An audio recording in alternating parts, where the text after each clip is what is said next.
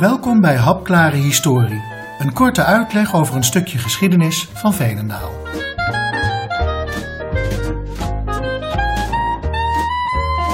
De 19e eeuw is een eeuw vol grote veranderingen in Veenendaal. En deze keer gaat het over de stand van de geneeskunde.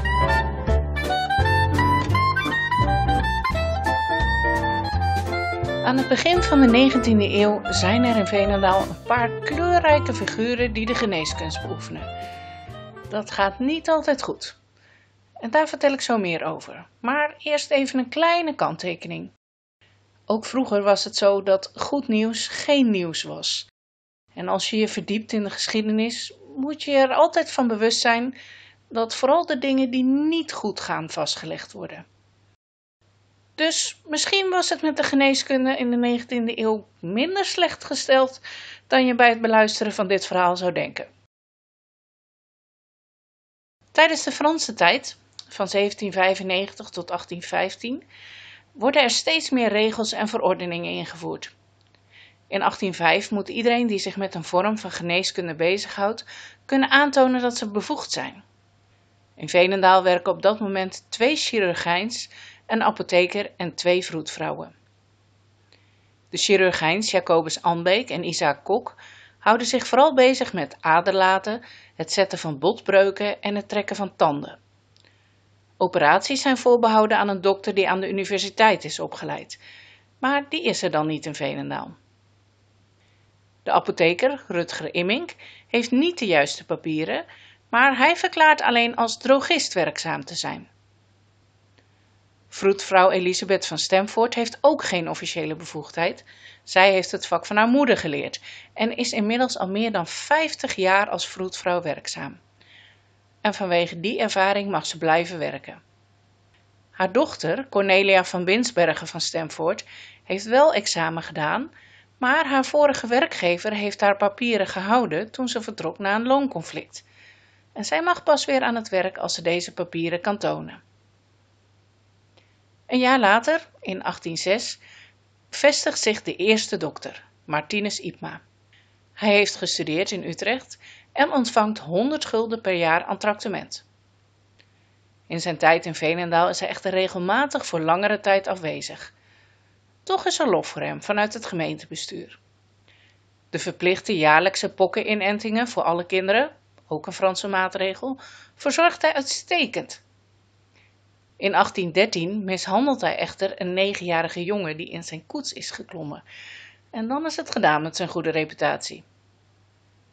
Vanwege alcohol raakt hij in de problemen en kort daarna vertrekt hij voorgoed uit Veenendaal. Zijn opvolger, Ludolf Friedrich Peisman, komt uit Beverwijk. Hij heeft een indrukwekkende lijst met diploma's. In Göttingen, in Duitsland, heeft hij natuur- en geneeskunde gestudeerd in Berlijn chirurgie en verloskunde, in Kopenhagen in Denemarken filosofie en chemie en in Leiden is hij gepromoveerd. Na zijn studie heeft hij gewerkt in Oost- en West-Indië om zich vervolgens te vestigen in Rotterdam. Dan gaat het echter niet zo goed met hem. Vanwege de Franse bezetting is hij een groot deel van zijn vermogen kwijtgeraakt, waardoor hij in 1814 gedwongen is toch weer een betaalde baan te zoeken. Vanaf het begin is zijn relatie met Veenendaal een hele moeizame. Hij heeft gehoord dat Veenendaal een arme gemeente is, met veel wanbetalers, en bedingt een tractement die anderhalf keer zo hoog is als die van dokter Ipma. Maar de reis naar Veenendaal wordt telkens uitgesteld. Eerst ligt het aan de reis zelf. Er gaat maar twee keer per week een postkoets naar Veenendaal. En zijn boeken en meubilair moeten per boot komen. Maar vanwege het seizoen, het is dan al november, rekent de schipper wel erg hoge kosten. En om hem tegemoet te komen verleent de gemeente hem een verhuiskostenvergoeding van 50 gulden. De schipper ziet het echter niet zitten en de reis per schip gaat dus niet door. Zou de gemeente de dokter dan misschien tegemoet willen komen door een paar boerenwagens te sturen? Dat doet de gemeente dan ook nog, maar dan wordt de dokter zelf ziek, waardoor zijn komst weer uitgesteld wordt. In 1815 vestigt hij zich dan eindelijk in het dorp. Het dorp is dan druk bezig met het herstellen van de oude situatie van voor de Franse tijd. Met name het opnieuw opdelen in Stichts en Gelders-Veenendaal neemt veel tijd in beslag. Voor de nieuwe dokter betaalt Ede een derde deel van het tractement voor Gelders-Veenendaal en Stichts-Veenendaal betaalt de rest. De geruchten die dokter Pijsman over Veenendaal heeft gehoord zijn niet helemaal onjuist. Er zijn veel gezinnen die niet kunnen rondkomen zonder extra ondersteuning door de kerk. De leefomstandigheden zijn verre van ideaal. De waterwegen zijn slecht onderhouden, waardoor ze slecht doorstromen. Ook gebruikt men de kanalen en sloten voor van alles en nog wat. De was wordt gedaan in hetzelfde water waar ook het afval in weggegooid wordt, met als gevolg veel ziektes. de kindersterfte neemt in de 19e eeuw dan ook sterk toe. Van de grote gezinnen, acht, negen, tien kinderen, worden soms maar één of twee kinderen volwassen.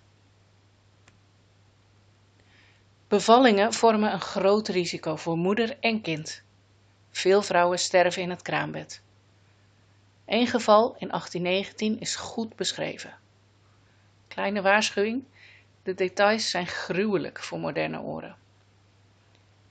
De al eerder genoemde vroedvrouw Cornelia van Binsbergen wordt op 5 september 1819 bij een bevalling in Gelders-Veenendaal geroepen. De aanwezige vrouwen hebben gedaan wat ze konden, maar de bevalling vordert niet. Het kind ligt verkeerd, een armpje zit dwars. Ook dokter Pijsman en een gynaecoloog uit Renen worden erbij geroepen. De vroedvrouw is het oneens met het advies van de beide artsen en begint hen uit te schelden. Ze meent dat het kind al overleden is, waarop de vader wanhopig voorstelt het armpje van het kind er dan maar af te snijden om de leven van de moeder te redden. De vroedvrouw weigert, negeert nog een keer het advies van de artsen en begint met geweld aan het kind te trekken. Het kindje wordt uiteindelijk doodgeboren met een ontwrichte arm en gebroken botten. En tien dagen later bezwijkt ook de moeder. Er komt een uitgebreid onderzoek waarbij de vroedvrouw geschuldig wordt bevonden aan de dood van moeder en kind en geschorst wordt. Mocht ze weer als vroedvrouw willen werken, moet ze eerst opnieuw examen doen. Dat heeft ze niet meer gedaan. Als Cornelia van Binsbergen tien jaar later overlijdt, noteert men haar beroep als wolspinster. In 1821 kijkt de Provinciale Commissie van Toezicht op de Geneeskunst opnieuw naar de situatie in Veenendaal. Er zijn dan nog drie mensen die zich daarmee bezighouden. De nieuwe vroedvrouw Hendrikje van Veldhuizen, de inmiddels 85-jarige chirurgijn Jacobus Anbeek en dokter Pijsman. Met de carrière van Pijsman gaat het inmiddels ook bergafwaarts. Hij weigert gratis vaccinaties te verstrekken aan de armen en klaagt over het gebrek aan inkomsten in zijn praktijk. Net als zijn voorganger raakt hij ook aan de drank waardoor hij in 1823 ontslagen wordt. Zijn opvolger, Dr. Zandberg Planten, begint goed. In 1828 en 1829 krijgt hij zelfs een gouden medaille van de regering, omdat hij ieder jaar vele kinderen gratis vaccineert tegen de pokken. Maar blijkbaar is Veenendaal toch echt een moeilijke plek om te werken voor een arts, want ook hij raakt aan de drank. Het gaat van kwaad tot erger, hij weigert patiënten te bezoeken, raakt betrokken bij vechtpartijen. Meerdere malen wordt hij door de gemeente en de provincie op het matje geroepen, maar het helpt allemaal niets. In 1840 komt het zover dat hij in een dronken bui een schot hagel lost in de Zandstraat en daarbij twee mensen verwondt. Daarna gaat het een tijdje beter, maar vijf jaar later moet de gemeente hem weer vermaanden om zich voortaan van het bekende misbruik van sterke drank op het zorgvuldigst te onthouden. Al dus een document uit die tijd. Hij blijft in functie tot 1854 en wordt dan opgevolgd door dokter G.H.E. Ludeking. Over hem is vrijwel niets te vinden in de archieven, dus hij zal zijn werk goed gedaan hebben. Hij overlijdt in 1870 op de nog relatief jonge leeftijd van 45 jaar. Wat houdt het werk van een arts in de 19e eeuw eigenlijk in? Ochtends ontvangt hij patiënten tijdens een spreekuur aan huis. De patiënten moeten dan wachten in een kleine wachtkamer op houten banken. De arts bespreekt hen, voelt soms wat aan het lichaam en schrijft misschien een siroopje voor. Smiddags rijdt hij met zijn koetsvisite naar de wat welgesteldere patiënten. Een enkele keer moet dat te paard en soms kan het alleen maar via het water, met een aak of een praam. Zoals gezegd zijn de leef- en werkomstandigheden verre van ideaal. Er heersen dan ook regelmatig besmettelijke ziektes als cholera en tyfus. Ook wordt de dokter regelmatig bij ongelukken op de fabriek geroepen. Arbeiders komen met ledematen in draaiende machines of vallen in kokende vloeistoffen. Als gevolg van de ongezonde omstandigheden in de fabrieken hebben veel mensen last van klachten aan de luchtwegen. Veel medicijnen zijn er nog niet. De dokter kan dan ook vaak niet veel doen. Het advies is bedrust en een enkele keer krijgt een patiënt een eenvoudig plantaardig geneesmiddel tegen hoest, koorts of overtollig vocht. Pas in de 20ste eeuw zullen de leefomstandigheden en de gezondheidszorg sterk verbeteren.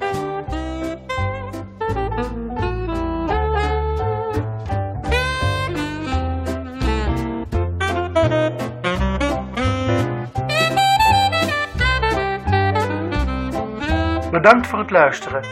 Wil je meer ontdekken over de geschiedenis van Veenendaal? Ga naar gemeentearchief.veenendaal.nl